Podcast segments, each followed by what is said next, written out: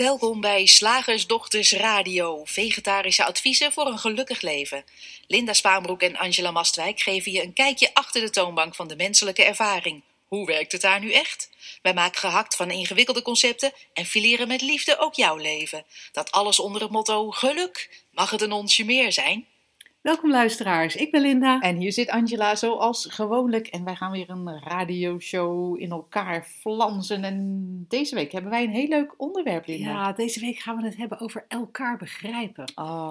En voordat we daarin uh, instappen, dacht ik... Oké, oké, oké. Als we het hebben over elkaar begrijpen, vinden wij het natuurlijk ook fijn als onze luisteraars ons begrijpen. Ja. En het zou kunnen zijn dat jij een nieuwe luisteraar bent. Ja. Eh, als je nog niet zo lang naar deze podcast luistert, dan zul je merken dat wij heel regelmatig verwijzen naar iets dat de drie principes heet. En als je daar wat meer over wil weten, want wij willen daar natuurlijk niet elke radioshow weer een uitgebreide uitleg over geven. Maar we hebben een uh, gratis e-book, Drie Principes voor Geluk. Uh, dat je op onze website uh, kunt aanvragen. Maakt niet uit of je naar slagersdochters.nl gaat, de website die bij de community en bij onze podcast hoort, of dat je naar shiftacademy.nl gaat, de website die uh, ja, meer samenhangt met het, het betaalde werk wat we oh, doen. ja, dat doen we ook nog. en um, Ja, En- daar kan je hem downloaden. Daar kan je hem downloaden, dan kan je alles lezen over die drie principes. En dan, eh, en dan, dan wordt het begrijpen eh, van eh, ons verhaal misschien net wat makkelijker voor je. Ehm, voor nu ehm, ja, wil, willen we het hebben over het feit dat we, dat we het altijd zo graag willen. En we vinden het ook zo belangrijk om elkaar te begrijpen. Daar begin ik nu natuurlijk ook al mee, dat merk Ja. Eh, elkaar begrijpen, ook als je een andere achtergrond of een andere opvoeding hebt, of een andere, ander geslacht, of een andere generatie, of een andere levensstijl. En vooral in relaties vinden we het elkaar begrijpen heel belangrijk, want dan denken we, als je elkaar niet begrijpt, dan wordt het echt nooit wat. Mijn man begrijpt me niet. Precies, of mijn vrouw begrijpt me niet. Dus we praten en we leggen uit en we analyseren en we verklaren. En we doen enorm ons best om die ander te begrijpen en om ervoor te zorgen dat de ander ons begrijpt. Ja. En dat verwachten we eigenlijk ook van andere mensen. Hmm. En eh, wij willen eens in deze uitzending eens kijken of wij eh, een ander licht daarop kunnen schijnen. Ja.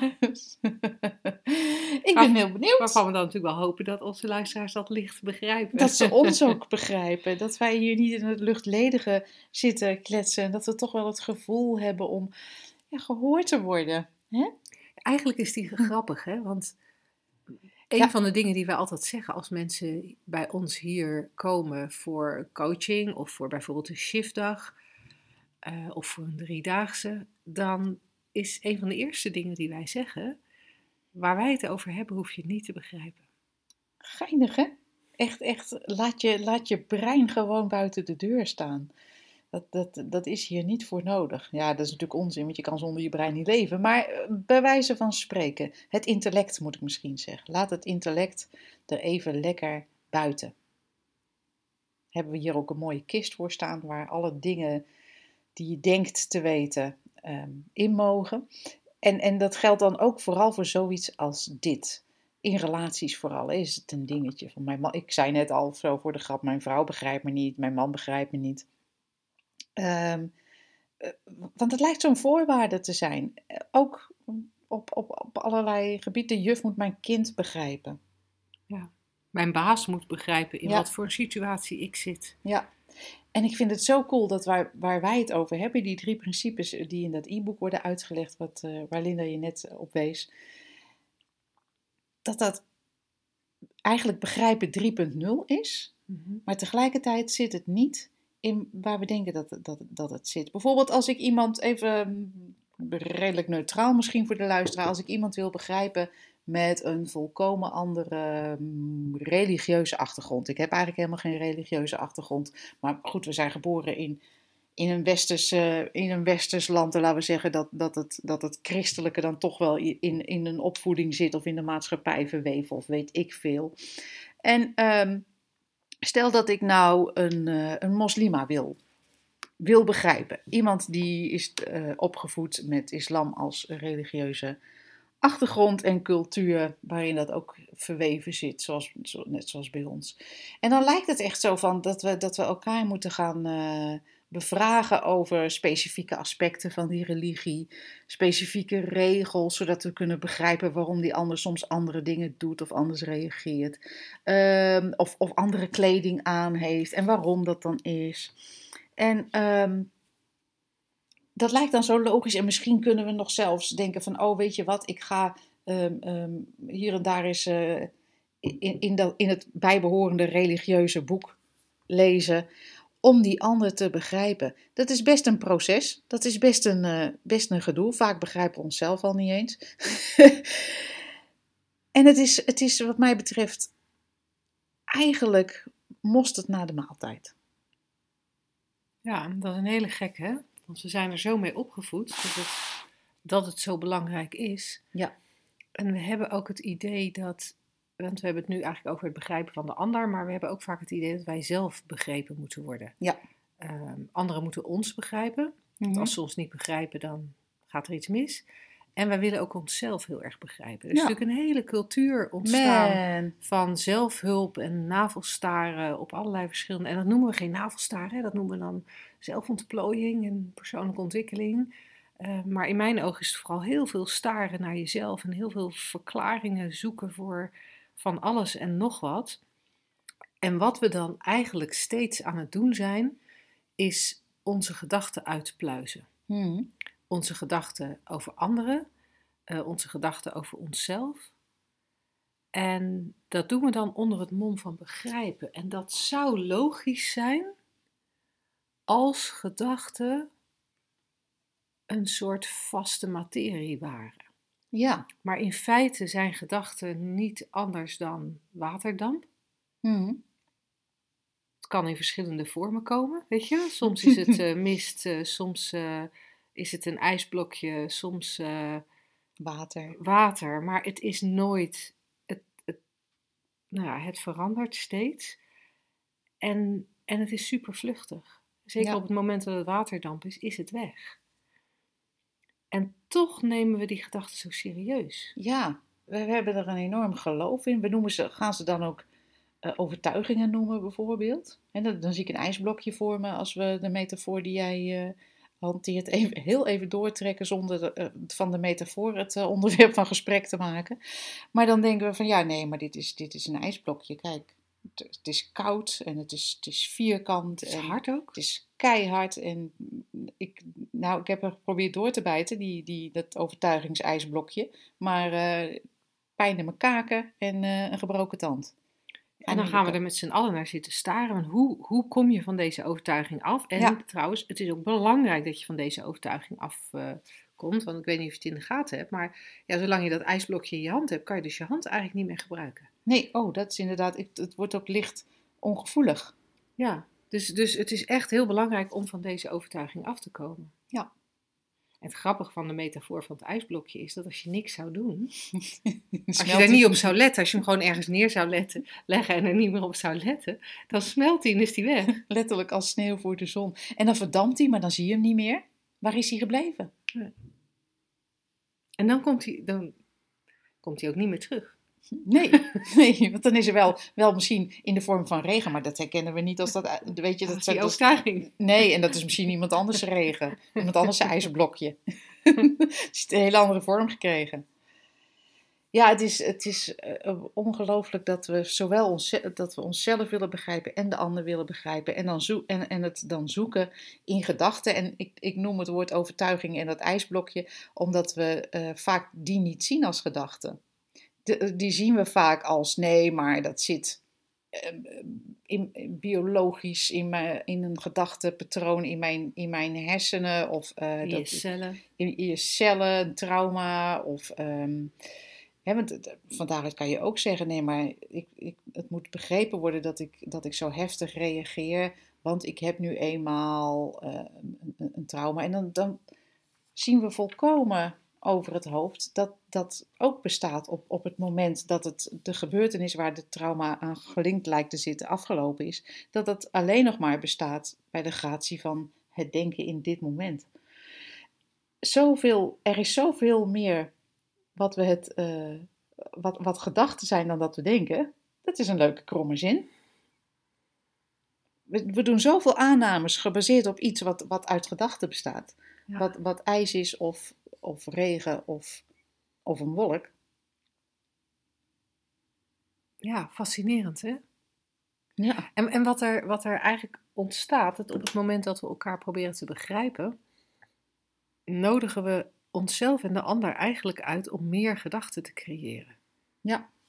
Waar we in eerdere podcasts en natuurlijk ook bij onze trainingen eh, en ook weer in dat, eh, dat gratis e-book naar verwijzen, is dat gedachten in, in principe die energie zijn waar we het net over hadden. Mhm. Niet waar, super veranderlijk, eh, vluchtig.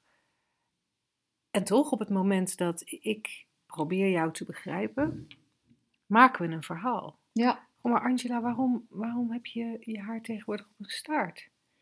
Ja, nou, ik, ik twijfel dus een beetje. Hè. Nu, ga ik, nu ga ik vertellen wat ik denk aan Linda. Linda heeft een vraag en ik ga een verklaring geven voor dat gedrag. Ik twijfel een beetje, dat is een gedachte, hè, eh, over het, eh, of ik mijn haar nu echt weer ga laten knippen of dat ik het eh, lang laat groeien. Dus ik zit dus nu in een tussenfase. Ook een leuke gedachte, een tussenfase. Hoe, hoe ziet dat eruit? Geen idee, volkomen arbitrair. Ik bedenk dat deze lengte haar een tussenfase is. En dan zit het niet altijd zoals ik wil. Ook een leuke gedachte. Zoals ik wil dat mijn haar zit, is ook volkomen uit de lucht gegrepen. Maar ik heb daar blijkbaar eh, standards voor. En neem van mij aan dat die echt vrij loose zijn, maar toch nog steeds enige standaard dat het gekamd moet zijn en zo. En dan is het ook wel handig met dit warme weer. Dat het uit mijn nek blijft. Dus dat ik dat. Ik vind dat fijn. Ik vind dat fijn als mijn, eh, mijn nek vrij is van haar. Is ook een leuke gedachte. Wat je fijn vindt, wat je voorkeuren zijn, wat het oplevert, hoe dat voelt. Ja, wat ik, en, dan, en dan ga ik verder met het verhaal. Hè? Ja. Ik, ik, ik, ik maak het verhaal nog groter. Ja, dat snap ik wel wat je Mhm. zegt. Ik heb nu dus ook een verhaal in mijn hoofd, namelijk Ja. het verhaal wat Angela mij net En, vertelde. en het is blijkbaar een helder verhaal, want ze snapt het. En, eh, maar wat nu wel, wat dan wel weer een beetje ja, jammer is of vervelend, dat al die vlekken of bultjes die je hebt van die processierupsen, Ja. die zie je nu wel. Nou, dat is ook. Ik, Alsof dat erg is, hè? Maar Ja. ook weer een gedachte van mijn kant. Ja. En daar heb je helemaal gelijk in. Ik begrijp deze gedachtegang van Linda. En daar heb ik dan ook weer een, een, natuurlijk een leuke gedachte als antwoord. Dat, dat snap ik, maar tegelijkertijd, eh, doordat mijn haar nu niet meer in mijn nek zit, kriebelt het ook iets minder. Heb ik minder de neiging om daaraan te gaan zitten krabben. En ik hoop dat daarmee eh, het aantal bultjes ook, of in ieder geval dat ze niet, niet groter worden door mijn, door mijn gekrab. Dus het heeft eigenlijk ook, eigenlijk heeft het staartje, ontdek ik nu al pratend, komt er een hele nieuwe gedachte op, heeft dat een, een, een extra functie. Nou, zo, zo maken we van niks eigenlijk een heel verhaal. Hè? Je, hoort het, eh, je hoort het nu gebeuren. En wat ik het interessante daarbij vind in dit voorbeeld, doordat we het nu even gehad hebben over de bultjes in Angela's nek, eh, is, is er aandacht naar die bultjes en is er ook gelijk jeuk. Ja. Dus, dus de, want, want, want zo, zo werkt het systeem. Gedachten roepen sensaties op in het lijf. En bij dit soort dingen, bij jeuk, ook als, als, ook al- als jij deze uitzending hoort en helemaal geen last hebt van die hele eikenrupsprocessie Toestand. toestand, eh, dan kan ik me voorstellen dat als je ons over jeuk hoort praten, dat, Ja. dat, dat, dat bij jou ook de sensatie van jeuk oproept. Terwijl, terwijl er geen fysieke reden voor jou is om jeuk te hebben. Het is precies een voorbeeld van hoe dat systeem Ja. werkt. Er komt een gedachte in ons op en ons bewustzijn animeert die gedachte, dus we gaan dingen voelen. En, en je merkt dat als, of je zou kunnen zien dat als Angela en ik zo'n gesprekje met elkaar beginnen, dat er allerlei gedachten opkomen en al die gedachten worden geanimeerd. Want als Angela eh, eh, begint over haar staart en haar tussenfase, dan, dan is het heel makkelijk voor mij om te denken: oh ja, maar mijn haar. Ja, ik zit eigenlijk ook in een tussenfase. Mijn haar is ook langer dan normaal. En ik, nou ja, het maakt helemaal niet uit wat ik er allemaal over denk. Maar er komen Ja. bij mij ook gedachten. En, En, ja, en nu gaat het dan over iets praktisch als een paardenstaart of, of Ja. je haar. Maar wij doen dit ook over, over ehm, gedachten als ik ben verlegen. Of ik voel me depressief. Of ik vind die situatie op mijn werk gewoon heel onprettig. Of de wereld, ver, de wereld gaat naar De wereld door global warming. Ja, dan krijgen we eenzelfde soort conversatie. Alleen dan lijkt het, wat, ja, dan lijkt het minder praktisch. Maar er ontstaat dezelfde jeuk, maar dan emotioneel.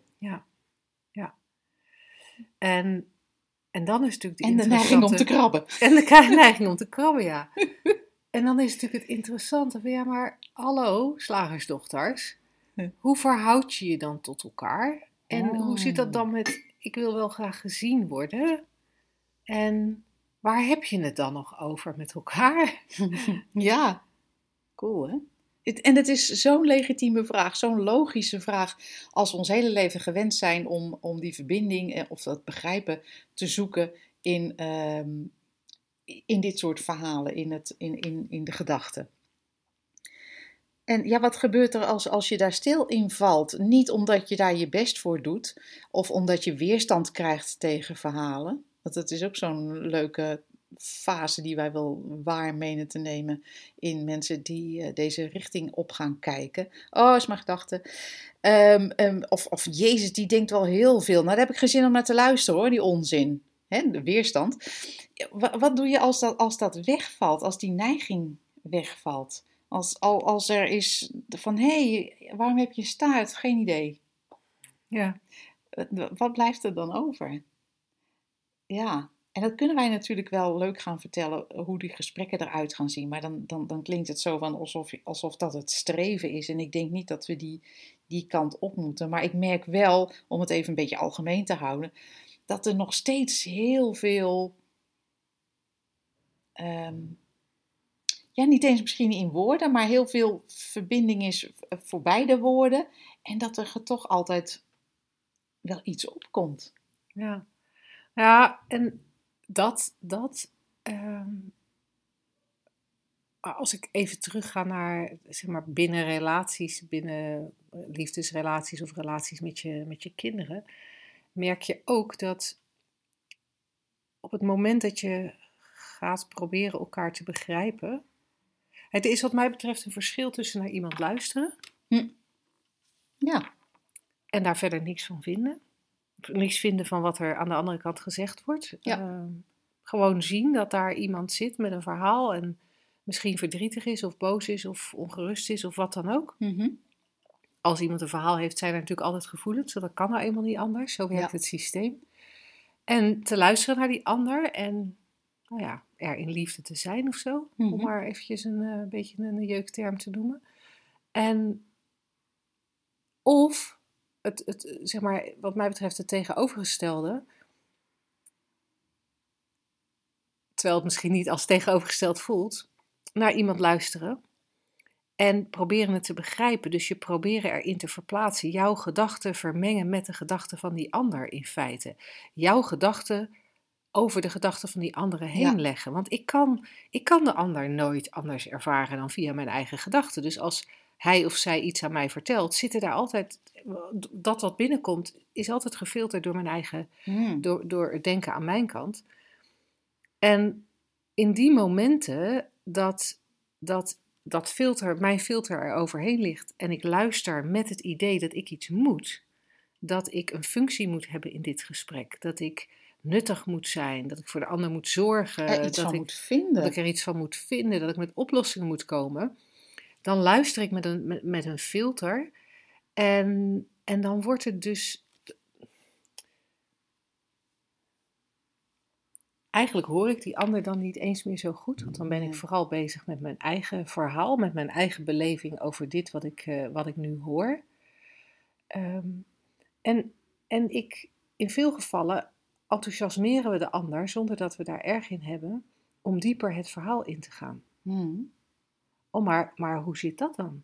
En hoe zit dat dan? En, En heb hoe je- voel je je er dan Heb bij? je daar al aan gedacht? Ja, ja. Nou, als, als ik in die situatie zou zitten, dan Mm. Misschien moet je even.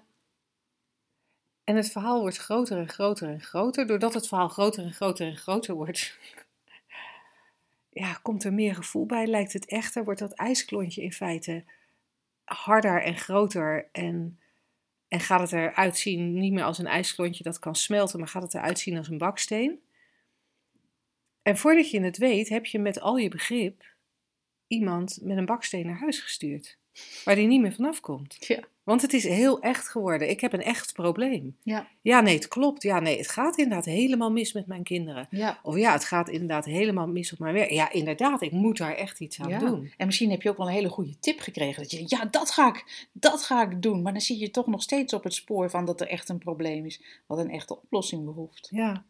En op het moment dat, dat we proberen het verhaal van de ander te begrijpen, zoals ik net al zei, wordt dat onlosmakelijk verweven. Dat kan gewoon niet anders met ons, met ons eigen verhaal.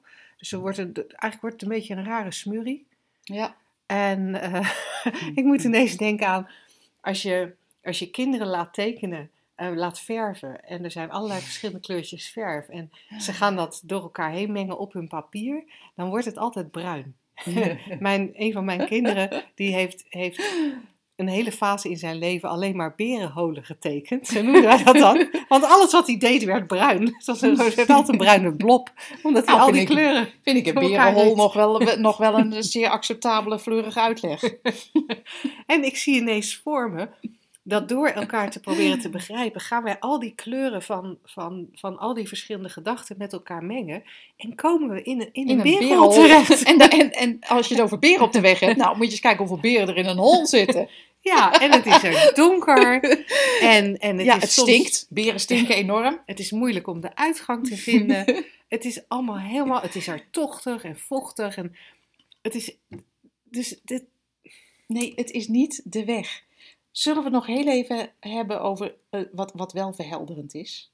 Een Ja. minuutje. ja, ja, want ik, sorry, ik, ik Ja, sla helemaal nee, maar, door nee, maar ik vind het een fantastische metafoor. Helemaal, ik denk dat die echt super herkenbaar en helder is. Even terug naar het. even uit het berenhol. Hij is geniaal. Ehm, in het Engels hebben ze. Stel dat je nu. Je kijkt naar je kind, naar je man, naar je vriendin. En je denkt: waarom doet hij, zij het dat? Dat wil ik begrijpen. En in plaats van het gesprek aan te gaan en het berenhol in te kruipen.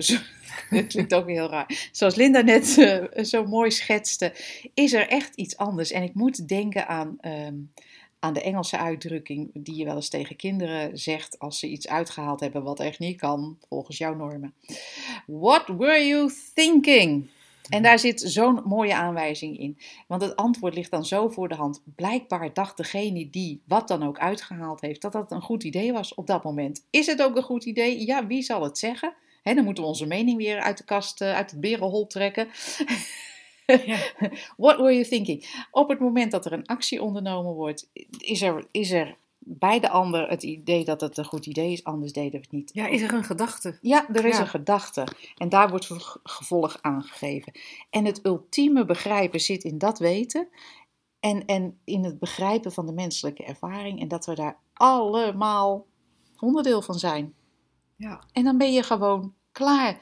Welk probleem er ook gepresenteerd wordt, wat er ook gedaan wordt, menselijke ervaring. Ja. Woe! Wow. Er, Koffie? Oh, er wordt gedacht. Wow. hey, er wordt heel veel gedacht en geloofd. Cool. ja, Ja, doe maar die koffie. Zullen we Nou. er een vraag bij nemen? we nemen er een vraagje bij. Zeg, slagersdochters, hoe bak ik die vegaburger? Over naar de luisteraarsvraag. We hebben vandaag een eh, vraag van Carlijn. En als jij ook een vraag hebt, dan horen we die heel graag via vragen.slagersdochters.nl. Wij zijn heel blij met vragen, want eh, de laatste tijd is het wat rustiger op onze mail qua vragen voor de radioshow. Ehm, dus ehm, kom maar op. En Carlijn zegt: Ik heb vaak het opgejaagde gevoel dat ik geregeerd word door agenda's van mezelf en van mijn kinderen. Stemmingen in huis van mijn kinderen en door de klok. Dus ze wordt opgejaagd door. Ze wordt geregeerd door Agenda's? agenda's, door stemmingen in huis en door de klok. Ja. Ik heb een gezin met drie kinderen, van peuter tot beginnend puber, en ik werk parttime buitenshuis. Ik zou graag wat losser in het leven willen staan, maar dat vind ik lastig als ik rekening moet houden met alle sportafspraken, clubs, scholen, werktijden, boodschappen, eettijden, genoeg aandacht voor iedereen, puberperikelen die hoog oplopen, etc. etc. Dat voelt als zwaar en onvrij. Dan voel ik me zorgelijk. Lijkt het of mijn humor, hoe, mijn humor weg is en lach ik weinig. Soms denk ik aan het begin van een week: oh, als het maar weer die en die dag is, dan hebben we dit gehad. Oh, wat herkenbaar. Hè? Voor iedereen die mens is. Ja. Ja. Ja, het is een hele herkenbare vraag. Ja. En we mogen op de radio geen stiltes laten vallen. Dus Nee, ik- oh, ik dus zit er gewoon over te denken. Ja, nou, ik, ik, ik vind het denken, heel, maar ik laat even op me inwerken. Heel herkenbaar dat continu op de klok kijken en daardoor ehm, jezelf opjagen. En ook, als ik terugkijk, de overtuiging dat het niet zonder kan. Want je hebt nu eenmaal te Ja. maken met schooltijden en, en ja, weet ik want dat, veel. want dat denk ik dan Ja. dus ook als ik dit zie. Dan denk ik, ja, sportafspraken, clubs, weet je. Nou ja, dan gaan ze niet naar de sport. Maar ik kan me voorstellen dat dat, dat heel erg erva- juist ervaren wordt als ja, maar ze moeten naar sport. Dat is goed voor ze, daar worden Ja. ze sociaal van, dat is lichamelijk. Ze moeten naar clubs, ook weer vanwege dat sociale. Ze moeten naar school, ze moeten op tijd zijn op school, anders krijgen ze een probleem met halt. Er zitten heel Ja, veel Je moet boodschappen doen. er zit heel veel achter. En, Ja. dan, en het interessante is, dan kunnen wij, als we in de vorm blijven kijken, kunnen wij tegen iemand zeggen, tegen zo'n over, overwerkte moeder, joh, die boodschappen, die moet je lekker de picknick laten bestellen. Ja, je kan heel veel praktische adviezen hierin doen. Hè? Weet je, je hebt zo van die hele handige kalenders. En eh, dat iedereen weet Ja. waar die aan toe is. Kleurtjes, dingetjes, toestandjes. En dan vind je wel een goed schema. Ja. En je doet gewoon al die kinderen maar op één clubje, niet allemaal op twee. Nee, dat, nee, dat hoeft dat niet. scheelt. En eh, ja, ehm, aandacht voor iedereen. Nou, dan doe je gewoon ook, daar kun je ook een leuk schema voor. Ja, Met de je- een kijk je tv, met de ander lees je, met weer een ander die breng je naar bed. Nou, dan kom je en dan en dan En misschien moet je die eettijden dan even een klein beetje, beetje loslaten. Ja. Zij zei die vroeger altijd om 18 uur 0.0 aan tafel zat. en de aardappels gaar waren. En het, het, het fascinerende is dat, dat wat, wat wij nu voordoen, dat is hoe we gebruikelijk zijn om Ja. met elkaar te praten als iemand een probleem aan ons voorlegt. Of als iemand aangeeft dat hij zich gestrest voelt. Dan gaan we heel erg kijken naar dat wat er te managen valt. Dus we gaan in de vorm kijken naar het clubje, het eten, de boodschap, de werktijden. En daar gaan we aan proberen te knutselen. Of we zeggen tegen iemand, ja, je moet er gewoon een beetje makkelijker in zijn. Je hebt een, je hebt een club ervoor. Club voor luie moeders. Word lid. Ja. En eh, En, en dus, dus, dus of jij zelf moet veranderen, Ja. of je omgeving moet veranderen. Maar Ja. het is duidelijk dat er iets moet veranderen, want Zo je, is het niet je lekker. zit nu niet lekker in je vel. nou, En daar zit een ontzettend interessant misverstand. ha. Daar mag jij even op ingaan, schenk ik een kopje thee voor Ja, oh, lijkt me heerlijk. Ja, precies. Want, want veranderen in de vorm is een eindeloze weg. En veranderen aan jezelf is ook een eindeloze weg. En beide zijn, wat ons betreft, niet nuttig en beperken je vrijheid alleen maar, alleen maar weer. Want als je gaat knutselen in de vorm, dan kan je dat ook fout doen. Als je zelf gaat veranderen, kan, kan dat ook nog een verkeerde richting opgaan. Wat ons betreft is er altijd één kant om op te kijken. Wat eigenlijk wenst de vragenstelster Carlijn vrijheid, wat eigenlijk de ultieme vrijheid oplevert, omdat je die al in je hebt. Het is niet iets waar je naar streeft, maar je gaat eigenlijk terug naar, naar, naar wat, wat, je, wat, je, wat je ware natuur is, vrijheid. En dat zit in het, in het feit dat je, dat je kan doorzien dat, dat, dat je eigenlijk continu niet op de klok let, maar op je gedachten. Die continu jou opjagen. Het is een soort, het is niet juist uitgedrukt dit. Misschien dat er zo nog iets, eh, iets slimmers uitkomt. Maar dat je jezelf continu aan het monitoren bent en, en die klok en de kinderen en alles, alles aan het regelen en aan het sturen. Eigenlijk vanuit één, vanuit het geloof moet ik zeggen, uit in, in één angstige gedachte. Laten we hem even samenvatten, van het gaat mis. Als ik het niet doe, gaat het mis. Als ik het niet regel, gaat het mis. Als ik die klok niet in de gaten hou, gaat het mis. En wij willen je niet vertellen van, oh, je moet niet meer naar de klok kijken en zie maar hoe het loopt. Maar kijk nou eens gewoon van, van wat voelt er nou zo onvrij? Is dat echt de dingen die gebeuren? Is dat echt het leven in uitvoering? Of, of zijn dat continu eh, de, de, de, gedachten van controle en angst dat het misgaat? Niet dat je daar vanaf hoeft. Maar je zou ze, je zou ze zomaar kunnen gaan herkennen. En, en het is een soort. ehm, we spelen als we klein zijn het spelletje Wie niet weg is, is gezien. En eh, dit werkt eigenlijk andersom. Wie, gezien is, is weg. Wie gezien is, is weg. Als we dat gaan herkennen als het, als, het, als het systeem aan het werk en hoe we onszelf daarmee zo'n ongelofelijke ehm, ja, stress aandoen door, door, door continu dat in ons hoofd te zitten, zou het zomaar kunnen zijn dat de dingen vanzelf veranderen en makkelijker worden. Komen je kinderen dan elke dag op, tijd op school? Ik heb geen idee, maar het zou zomaar kunnen. Gaan ze nog steeds naar drie clubjes? Geen idee, het zou zomaar kunnen. Heb je nog steeds elke avond om zes uur de aardappels op, op tafel? Ik heb geen idee, het zou zomaar kunnen. Maar het zal niet meer uitmaken. of in ieder geval veel minder.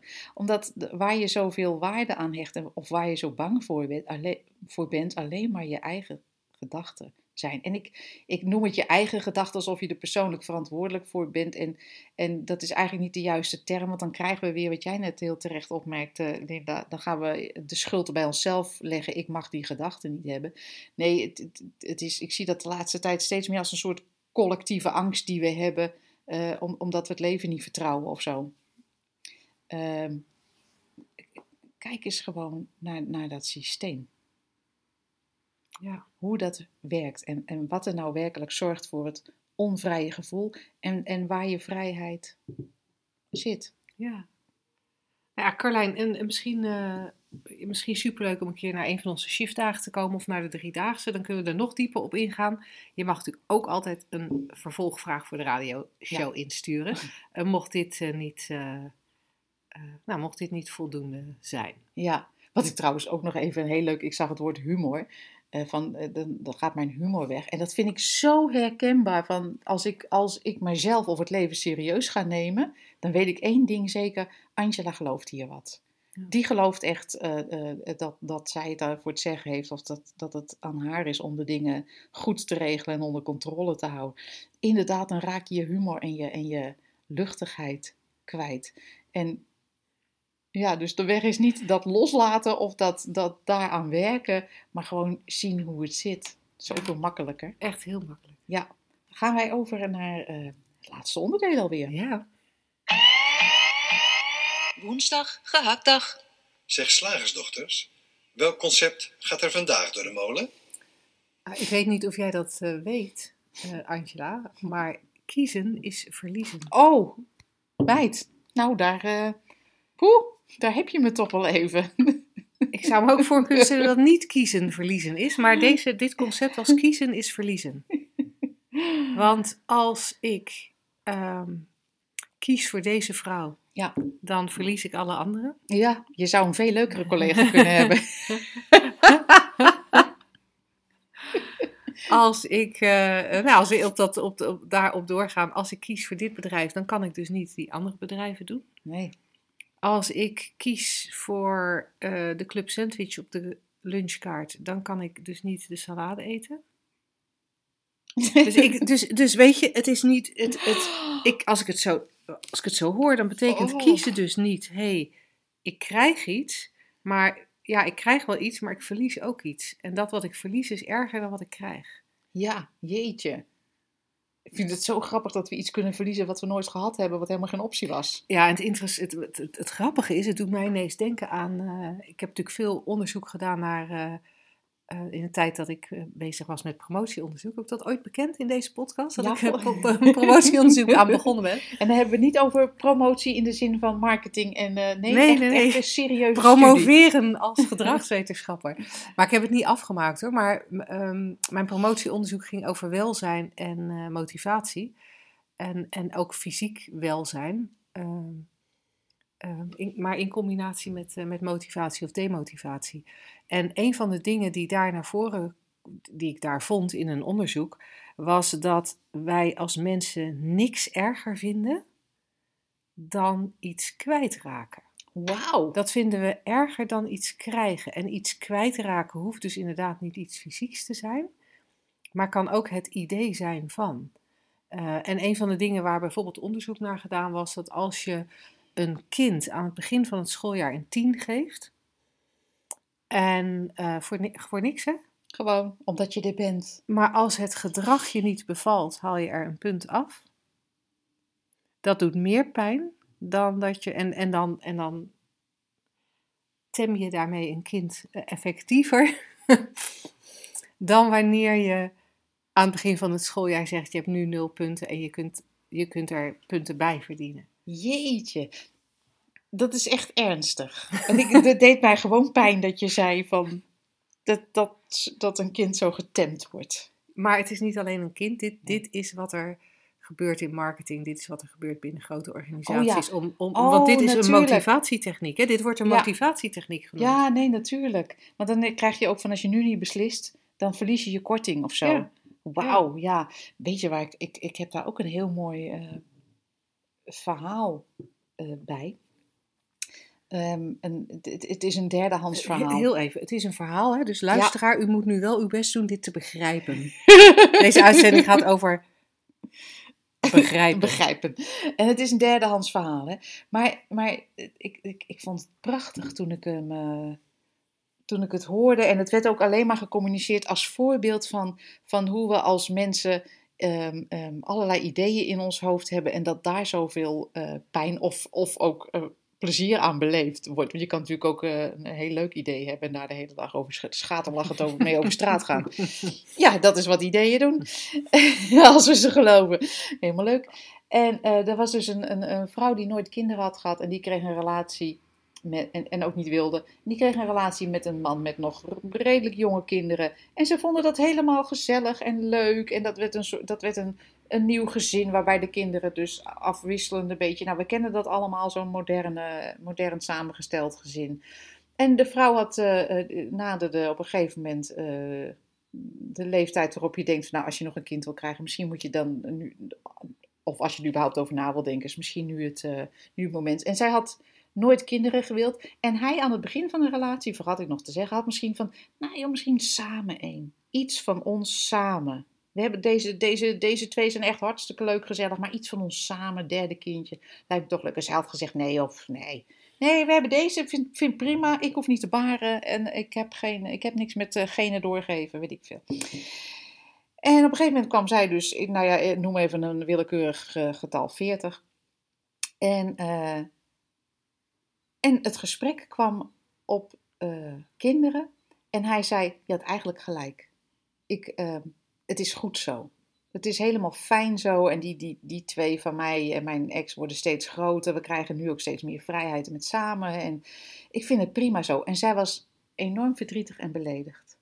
Dat hij niet meer wilde. Niet dat zij per se wilde, kinderen, maar ze wilde de keuze hebben. En toen dacht ik, wat heb je dan? Wauw, dus, dus, dus het maakt eigenlijk niet uit bij ons wat de uitkomst is. Het ijsje wel het, of niet, de korting wel of niet, eh, eh, de tien wel of niet. Maar het gaat om van, ehm, ehm, ja, maar we willen, we willen het zelf in de hand hebben. Of het idee hebben iets zelf in de hand te hebben. En als je kiest, uiteindelijk, heb je het idee dat jij de juiste keuze hebt gemaakt. En dan ben je blij, heb je een leuk idee, huppel je over straat. Of je hebt het idee dat je het helemaal fout hebt gedaan.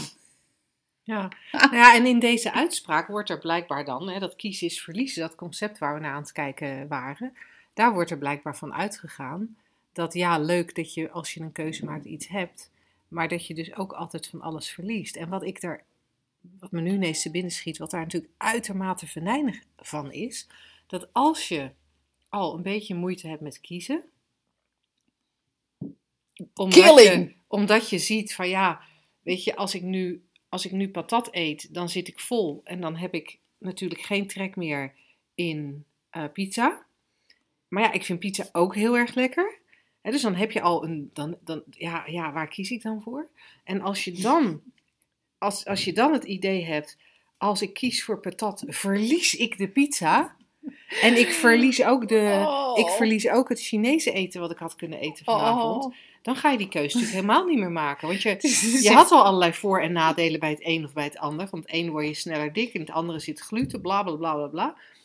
Maar dan komt dit er ook nog eens bij. Dus dan verlammend. Nou, dat was exact het woord wat in mij opkwam. Als je de overtuiging Ik hebt, begrijp jou zo goed. kiezen is verliezen, dan, dan, dan raak je acuut totaal verlamd. Verlamd, want je, you can't win this, baby.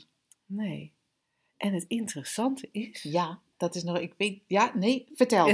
Wat is zo interessant? nou, dat het geen fuck uitmaakt. Precies. Want dat denken we, hè? We, denken, we, denken, we denken dat het uitmaakt Ja. wat er in ons leven gebeurt of hoe de buitenwereld eruit ziet.